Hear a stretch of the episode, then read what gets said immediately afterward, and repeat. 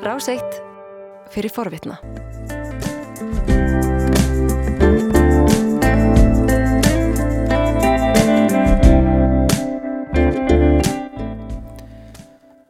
Sælunni, morgunvaktin heldur áfram. Við ætlum að líta út í heim, út um heimskluggan með Boga Ágúsinni sem er sestur hér hjá okkur. Velkomin. Takk. Við ætlum að ræða uh, fyrst um uh, Rúsland, um pólitíska andstæðinga Pútins Rúslandsforsetta. Uh, það verður þetta ekki fara fram hjá hljóstundum að Alexei Navalny er, já, sá sem að síðast bættist í hóp þessa fólks sem að, hefur látist af, já, vegna andstöðusuna við fórsetta Rúslands, hvort sem það er beint eða óbeint. Það verður ekki ennverið það verður enginn fengið aðgang að honum, móður hans hefur var sagt frá því í gerð, hún hefur höfðað mál, það er ekki alveg ljóst hvað nákvæmlega gerðist en allavega búið að staðfesta það að hann er látin og hann er eins og við segjum langt frá því að vera svo fyrsti. Hann er sko verulega langt í frá að vera svo fyrsti og hann má eiginlega segja alveg frá upphafi valdatíðar Pútins þá hafi ímis sérkennlu örlug uh, dunnið yfir pólitíska anstæðinga hans og fólk sem hefur gaggrínt hans og hans stjórn. Þetta er eiginlega bara langur morðþerill, getum við sagt. Og uh, hann hefur að, sko mikillir hörku rutt úr vegi þeim sem að uh, hafa að hann hefur allavega skinnið að staði hérna, stæði í vegi fyrir honum og áformum hans og uh, það er eiginlega kannski eitt af, eitt, eitt af fyrstu dæmunum er um, maður sem var uh, var einn af leitum og stjórnaformaður í, í hérna, stóru og miklu ríkisfyrirtæki í, í, í Moskvu í Rúslandi Nikolai Gluskov sem að uh, var uh, eitt úr vegi mjög fljótlega. Hann fór í hann var dæmdur í útlegð og eða sérst hann fór í útlega, hann var ekki dæmdur í útlega, bara flúði og uh, bjóði Breitlandi og uh, árið 2018 fannst hann látin í uh, íbúsinni í, í Lundunum og það sem að margt benti til þess að hann hefði verið drefin og það, þetta maður sem að Putin sagti úr já, úr, úr, úr sínu starfi og, og, og bara gerði allavega mjög snemma. En uh, það uh, verður að minnast á ansi mörgnöfn og uh, mörgnöfn sem að tengjast fjölmili sem að var kritiskur nógu ekki að setja í gard stjórnvalda en er búið að þakka niður í núna og það sem eftir er af blæðinu er núna gefið út í ríka minni mig og farið í útlegð.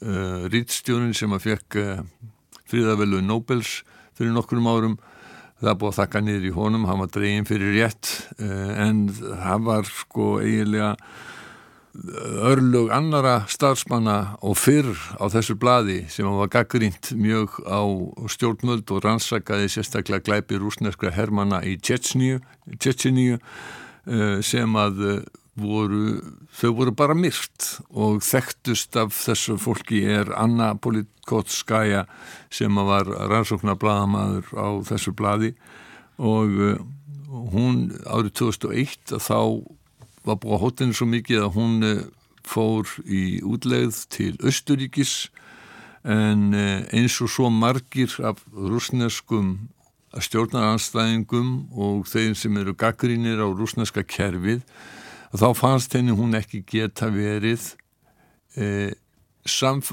sko, hún gæti ekki verið samfærandi gagvað löndum sínum ef hún væri að skrifa frá einhverstað frá útlöndum. Og hún fer aftur heim til Rúslands og uh, það var reynd að drepa hann á eitri uh, 2004 uh, hún lifði það af.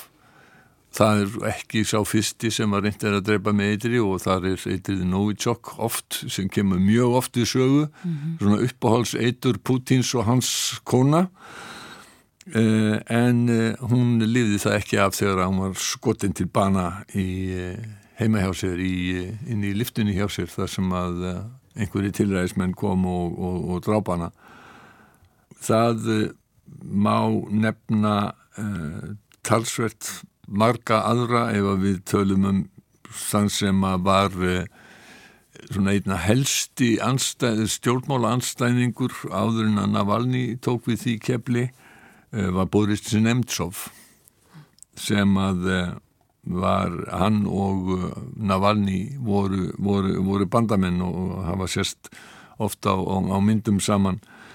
Boris Nemtsov var skotin til bana fyrir fram að Kreml árið 2015 eh, svo er eh, lög, lögmaðurinn nokkur árum fyrr sem að, að dó í fangelsi eh, myrktur í fangelsi með yllir í meðferð Sergei Magnitsky hann var eh, handtekinn vegna, já það er náttúrulega falsaðar ákærur og uh, eftir að hann hafði svift hulunni af umfangsmiklum spillingarmálum innan rúsneska stjórnkerfisins.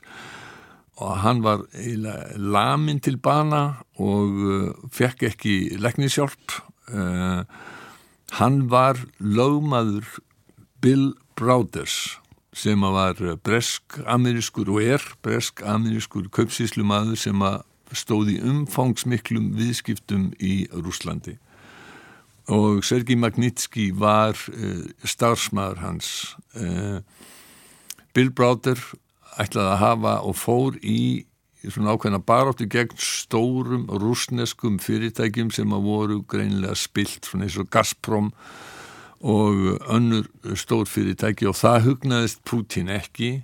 Þannig að Bill Browder var meinuð hérna, hún var meinuð að koma aftur til Rúslands þegar hann var, hafði verið farið til, til Breitlands hann er fættur í bandaríkanum með breskur ríkisborgari núna.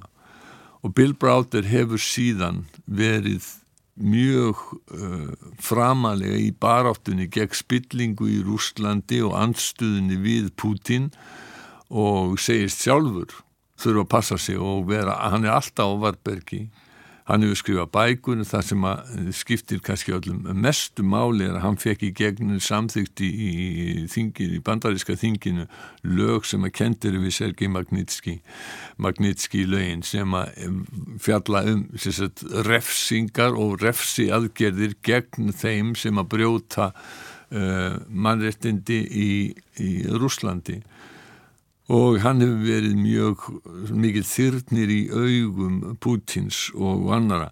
Hann var í viðtali við um, hlaðvarp sem að heitir The News Agents og uh, fyrrum frettamenn BBC standa fyrir í Breitlandi og eitt frá Sky. Þetta er uh, mjög gott hlaðvarp sem að ég svona benti á þegar við tölum um hlaðvarpin og sínum tíma Mitt.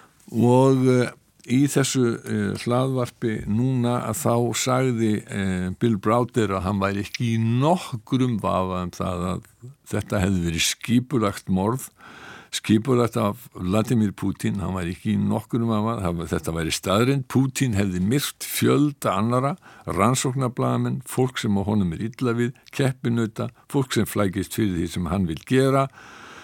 Við eigum ekki að velkjast í vafa sagði Browder að uh, það er uh, Putin á ekki að njóta neins vafa hann reyndi að myrða Navalny með Novichok-eitri en nú hefur hann tekið sem heyra í uh, Bill Browder Well, this was definitely a pre-planned targeted assassination organized by Vladimir Putin.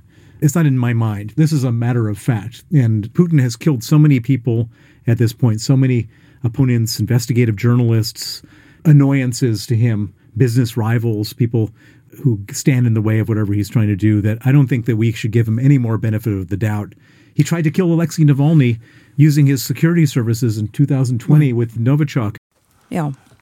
Þarna minnist hann þetta Novichok eitur og eh, en uh, Bráter heldur því fram að Pútín sé skjálfandi hrættur.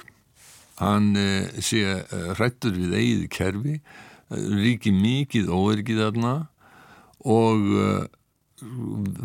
sko varuarástafanna sem hann gerir síðu sko, ger hann hlægilegan. Og hann minnist til dæmis á þetta gríðarlega langa borð þar sem að, að svona 20 metrar langt borð þegar hann er er að hitta erlenda lit og þeir sitja hvort við, við, við sín endan og ég veit ekki hvernig þeir tala saman hvort þeir þurfa að hrópa eða hvort þeir séu bara með talstöður eða hvernig er þetta. Þetta er náttúrulega hlægilegt.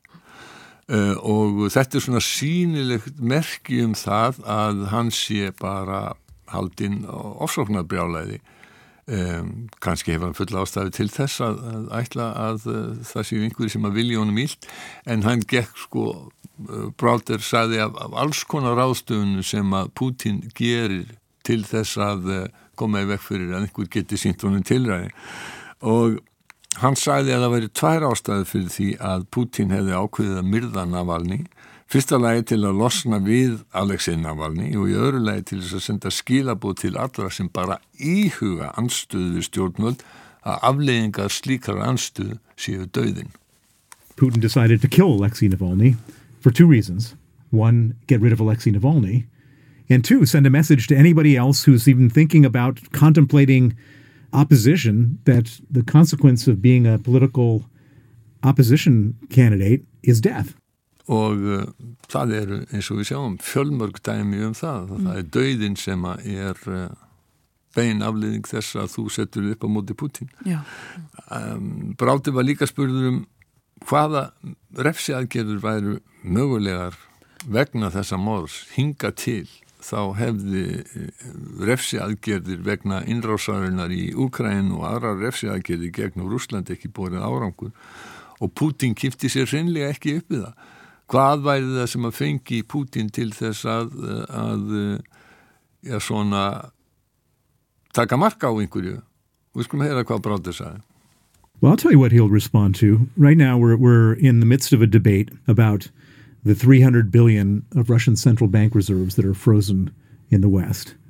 Um, that's money that should be given to Ukraine for their defense and reconstruction. If we want to really change the calculus and punish Putin, we should stop pussyfooting around and we should confiscate that money. And what we should do is we should call that the Navalny Act. We should take away that money, call it the Navalny Act, and that would cause Putin great pain. That would help Ukrainians Þannig sagði hann að það sem Putin fyndi fyrir væri það ef að upptæk, eða væri gerður upptækir fjármunir sem rúsneski selabankin á eh, á Vesturlöndum í, í varasjóðum og hafa verið fristir.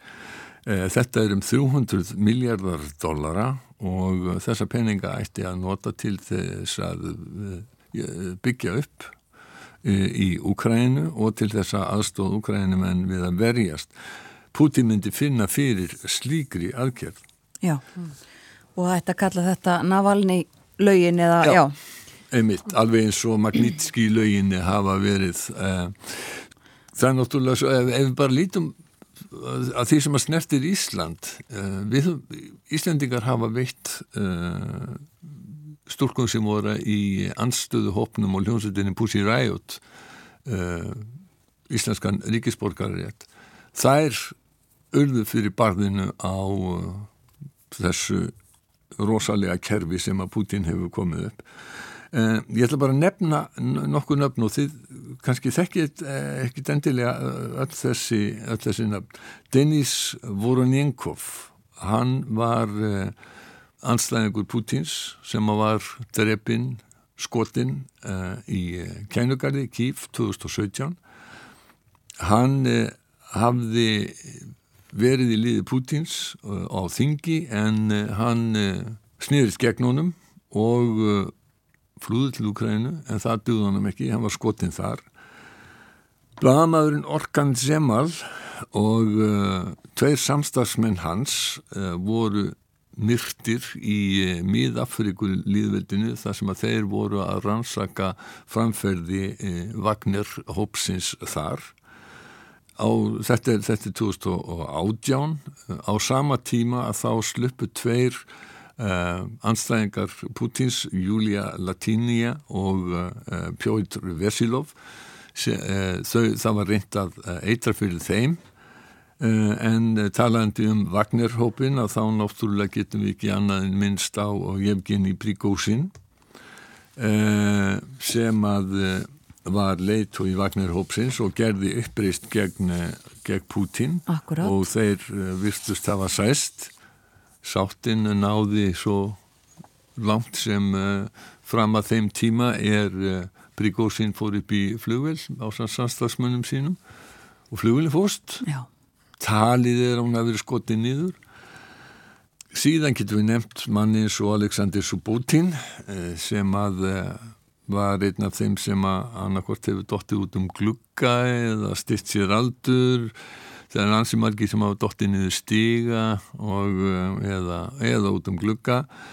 Um, Ímsar útgáfur af Það eru ímsar útgáfur af þessu og um, Pavel Antov hann var rúsnesku miljardamæringu sem að uh, gaggrindi Putin hann uh, fór síðan uh, og til að halda upp á, á, á afmæli á, á Indlandi. Þeir fóru þrýr saman eitt er að dó úr hjartaáfalli og Pavel Antov hann dó þarna líka. Hann var einn af þessum sem hann, hann, hann fjell út um hótelgluggan Já einn af mörgum, fólk hefur fallið út um glugga á, á geðveikra spítölum og annað. Kannski allra nýjasta dæmið er maður sem ekki margi kannast við heitir hétt Maxim Kusminov var rúsneskur þyrluflúmaður 28 ára gammal, hann hljópstundan merkjum uh, og fór með rúsneska herþyrlu til Úkrænu í, í fyrra. og uh, ætlaði síðan að, að búa á Spáni í Villa Sjóhauðsa sem er bær á, á, á Östurströnd Spánar þar sem er mikið af fólki frá um, Östur-Európu býr.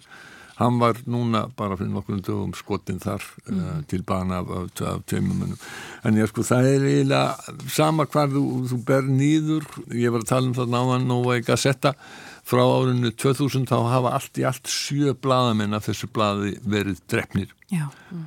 Uh, og þar um, meðal eins og ég segði á þann þá er það Anna Politkovskaja og svo önnur kona Anastasia Baburova og uh, Júri Tjetjetjikin uh, þetta er bara þrjú af þeim nöfnum af þessum bladamennum sem hafa verið myrti þarna og þetta er sem sagt það veldi sem að Putin hefur komið sér upp Já, og þrátt fyrir allan þennan fjölda af nöfnum þá var þetta ekki tæmandi listi. Nei, nei, nei, nei langt ifrá tæmandi langt, langt, langt ifrá tæmandi listi. Þetta eru kannski, og þetta er það sem við það er um. Já. Uh, uh, Ég myndist ekki á uh, hérna Litvinenko, Alexander Litvinenko sem, a, sem að var drefin með, með eitri í, í, í Lundunum og eitt, eitt þekktast dæmið eða Skrýpalferginin, Júliu og, og Boris Skrýpal Skrýpal var hérna fyrir öndir leinþjóðstum að þau reynda að drepa hann á, á með, með þessu fræga Novichok eitri. Já. þau sluppu numlega en það var bresk kona sem að, sem að dó í, í, í því tilræði og leinþjóðstumennir saðist hafa verið að þetta var í Englandi þessu, þessu við, við vorum bara að koma og skoða Sólsbúr í domkirkina ósvípnin uh, í, þessu, í þessu liði er nánast alveg ótrúlega Já Jú að stuttlega að ræða Já. mál sem að kannski tengist þessu uh, skýrsla sem að uh, öryggislauruglan uh, í Svíþjóð Já. var að gefa út. Já, Seppo um, gaf út í gær uh, skýrsla sem kynntu ógnanir við uh, Svíja uh, og það kemur fram að þeim standi stafi mest hætta af Rúslandi. Svo eru Kína og Íran nefnd Charlotte von Essen sem er yfirmaður Seppo sagði að fríði væri ógnar og ástandið í fyrirsjálegri framtíð yrði, yrði hættulegt. Um, það stæði hætt af rúsneskum njósnurum og tilraunum til þess að hafa áli, áhrif á umræðu og almenningsálit auk þess sem að hernaðarókn, bein hernaðarókn stafaði frá, uh, frá, frá rúsum. Mm. Uh, uh, hættan frá Kína og Íran væri annars vegar ásælni kínverja ásamt rúsum á norðurslóðum og hættan frá Íran hún tengdist hriðiverka og þá kynnti grænlenska landstjórnin í gær utanríkis, öryggis og varnamálastefn og þar kemur meðal annars fram að það skulle stemt að aukinni samvinni við Norður Ameríku og Ísland. Um, þetta er stefnumótun til næsta áratugar og aðinni standa allir flokkar og þingi nema einn sem er nalirak þannig að það er yfirgnefandi meiri hluti grænleiskra stjórnmálamanna stendur að þessu. Og þessi skiptur auðvitað stærstu máli þessu er að stærstu flokkarni EA og síum út sem að hafa skiptum skipta á að fara með stjórnfóðustu þeir eða verið saman í stjórn þeir, þeir eru einhug um þetta. Um, Sko grænlendinga vil ekki bara samvinnu við ríkistjórnirnar í Norður-Ameríkuríkjónum, Bandaríkjónum og Kanada, þetta er ríkistjórnar í Washington og Ottawa, heldur líka við einstök ríki. Þeir nefna Alaska, þeir nefna Northwest Territories, Nunavut og Nunavik í, í Kanada. og svo vilja grænlendingarnir koma á ráði arktísk nord-amerikansk fórum sem er því vettvangu samstafs við við Alaska og norði hér á Kanada, Kanada þar sem að, að ráþeirar og þingmenn uh, sætu. Já. Í stefnumótunin segir einni að það beri auka samstarf við Íslandinga, sérstaklega í ferðarþjónustu, samgöngumálum og hvað var þar endur nýjanlega græna orgu og svo segja þeir að þeir eigi að líta til Íslandinga til sem fyrirmynd um almannavarnir og uh, telja að, að þeir geti mikið lært af Íslendingum hvað almannavarnir uh, varðar. Já. Akkurat og þessi skísla uh, kynnti í gær. Hún var kynnt í gær. Já. Mm. Við ætluðum hér aðeins í lokin bói að fara til Fraklands. Við náum því nú ekki ef að nefna samt Jó, tilefnið. Nefnum tilefnið. Það er, nú er ég eins og henni vestu plöggarar, eins og við segjum. Ég er að benda hlustendum heimsklukkans á það að á morgun klukkan fjögur á rás eitt að þá verður vínil vikunar sem að verður með frönsku söngunni Sass Þetta er hljómleikaplata frá 2015 sem heitir Sula Rút og Sass er, er kona sem er sko rúmlega fyrtug. Þetta er listamannarnafn Isabelle Geoffroy. Hún fættist 1980 og ég algjörlega fjell fyrir þegar ég heyrða hana fyrst þannig að, að þó ég tala enga frönsku og, og sko þurfum við að, að þýða textana yfir á ennsku með, með einhverjum þýðingaforritum þá bara, ég, ég get ekki hana en ég bara algjörlega fjall fyrir henni þannig ég hvet alla unnendur góðra tónlistar og ekki síst franskar tónlistar og þessar fransku sko, fransku hefðar sem svona fransir að hlusta á morgun klukkan fjögur þegar Já. við heyrum í, í, í SAS og kannski hafið þið tíma til að spila eitthvað með henn á eftir. Við ætlum að reyna það. Takk fyrir í dag Bói Ágússon. Takk sem við leiðis.